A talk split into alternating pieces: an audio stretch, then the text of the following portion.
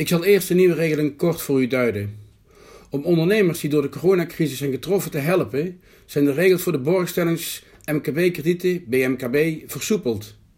Met deze verruimde regeling kunnen bedrijven onder gunstige voorwaarden geld lenen bij de bank. Met deze maatregel staat de overheid voor 90% garant voor bedrijven die een lening willen afsluiten, maar aan de financier niet genoeg zekerheden kunnen bieden. Hierdoor kunt u als ondernemer meer en makkelijker lenen. Het maximum van de regeling is tijdelijk verhoogd naar 1,5 miljoen. Dat was de bedoeling. Ondernemers die zijn geraakt door de gevolgen van het coronavirus wordt het gemakkelijker gemaakt om geld te lenen bij de banken door middel van een garantie van de overheid. Ze hebben echter ook enkele voorwaarden gesteld aan het krediet. Ik noem ze voor u. Allereerst dient de onderneming in de kern gezond te zijn en wel naar het oordeel van de bank. 2. De bank kan niet alles afwantelen op de staat. Kort gezegd, als de bank vreest dat de klant het wellicht niet haalt na de crisis en het krediet is niet volledig gedekt door zekerheden, dan zal zij niet zonder meer een krediet verstrekken. Daarnaast geldt dat de banken moeten toetsen dat er geen alternatieve mogelijkheden voor deze financiering bestaan en dat deze regeling dus noodzakelijk is om in te bouwen. Daarom kom ik dan bij mijn tips om met meer kans van slagen een aanvraag in te dienen bij uw bank.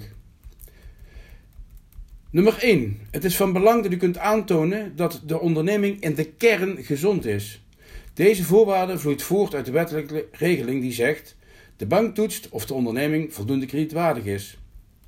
Ten aanzien van het in de kern gezond criterium is het van belang om duidelijk te maken dat de onderneming in de periode voor de crisis kredietwaardig was. U kunt het aantonen met uw financiële gegevens, zowel de definitieve jaarcijfers als tussentijdse cijfers tot de datum van de aanvang van de crisis. Uw bedrijf moet namelijk na deze crisis in staat zijn om de extra opgebouwde schulden, inclusief rente, weer af te kunnen lossen bij de bank. De banken blijven zakelijk en dat is zeker niet altijd onterecht. Besteed dus veel aandacht aan een goede onderbouwing van uw rendement en uw normale betalingscapaciteit, zowel voor als na de crisis. Nummer 2. Het risico voor de bank. Het is nu niet zo dat banken vanzelfsprekend kredieten gaan verstrekken omdat zij een garantie van de staat ontvangen. Als er achteraf discussie wordt gevoerd over de beoordeling van de aanvraag, de begeleiding gedurende de looptijd van de lening en het voldoen aan alle voorwaarden, blijkt vaak dat de banken de garantie toch niet kunnen claimen en voor het volledige verlies opdraaien. Mocht het uiteindelijk toch leiden tot een deconfiture van de kredietnemer, zorgt dit voor veel extra werk, tijd en een verlies bij de bank, boven het bedrag van het eigen risico. Dit maakt dat de banken toch terughoudend blijven. Nummer 3. Zorg voor een goede liquiditeitsprognose, waaruit tevens voldoende blijkt dat alle mogelijke niet-bankaire middelen zijn ingezet. Het belang van een goede liquiditeitsprognose heb ik in mijn vorige twee podcasts al uitgebreid behandeld en besproken. Ik zal het vandaag dus slechts kort vermelden. Maak een reële inschatting van uw omzet, inkoop en marge. Kijk zeer kritisch naar uw strikt noodzakelijke kosten.